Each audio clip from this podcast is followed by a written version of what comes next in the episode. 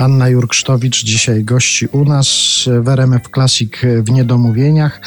Wracając do tego takiego ogniskowego czy towarzyskiego śpiewania, jest w tym Pani udziale w tego typu śpiewaniu jakiś żelazny repertuar? To znaczy wiadomo, że zawsze Pani zaśpiewa jakąś piosenkę w takiej części już bardzo towarzyskiej, nie, nie koncertowej, tylko części towarzyskiej. Tak, są takie samograje właśnie. Jakie na przykład? No na przykład jest ten pi- piosenka Wojtka Młynarskiego Jesteśmy na wczasach. To Aha. jest zawsze. A ja to jeszcze śpiewam po hiszpańsku najpierw. O, Tak, a potem po polsku to jest zawsze e, świetny e, hit. a jak, jak to brzmi po hiszpańsku? Te quiero, dijiste. I potem to jest taki jakby recitativ, a potem się zaczyna tak.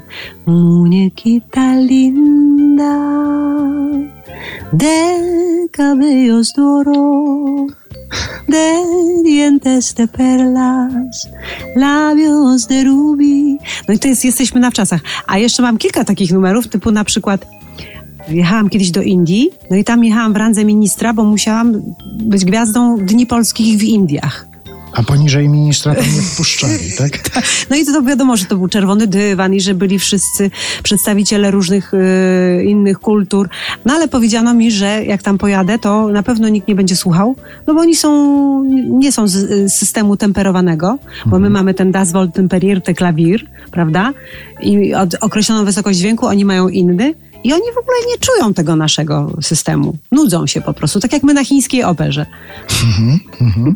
Był pan kiedyś na chińskiej operze? Nie, ale już się zaczynam nudzić na samą myśl o chińskiej operze. Ja w ogóle jestem taka, że kocham wszystko, każdą muzykę, ale przyznam, że na chińskiej operze trochę mi było ciężko. Bo ona niespieszna chyba taka jest, prawda? I Nie, no po prostu byłam prawdopodobnie nieprzygotowana do tego. No.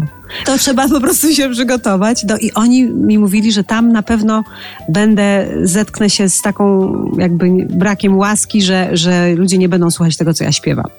No ja się wtedy bardzo przygotowałam. Postanowiłam, że wezmę ze sobą kwartet smyczkowy w postaci pięknych kobiet ubranych na biało, blondynek. No i żeby tak w ten sposób chronić właśnie swoją sztukę. No i zespół polskiej muzyki ludowej, taki, który też pokazał trochę naszego folkloru. A sama natomiast dowiedziałam się, co ja mogę zaśpiewać w tych Indiach, żeby ludzi to zainteresowało. No i poszłam na Wydział Orientalistyczny na Uniwersytecie Warszawskim. Dowiedziałam się, że jest piosenka, którą my wszyscy znamy. I oni, i my. I teraz właśnie zaśpiewam kawałek. Dil tarab tarab ke ke he raha he ambija tu hamse ank natura tu jeka sam he abija. I to jest w hindi. Ja się tego właśnie musiałam nauczyć, żeby ich zainteresować, a wiadomo jaka to jest piosenka. Więc takich pereł jest sporo i one zawsze właśnie działają na wszystkich. Ale u nich to samo znaczy ten laseczek tam się pojawia i dzieweczka, tak? Czy to jest o czymś zupełnie innym? Nie, tam jest troszeczkę inaczej, bo cała ta poezja hinduska jest oparta na wyznawaniu miłości poprzez porównywania do kwiatów. Ale to można było w laseczku wyznawać Tak, miłość. i, i ja wykułam, pamiętam wtedy trzy zwrotki i w każdy i poznałam cały, to był słownik botaniki praktycznie w języku hindi. Także bardzo zabawne to było. No.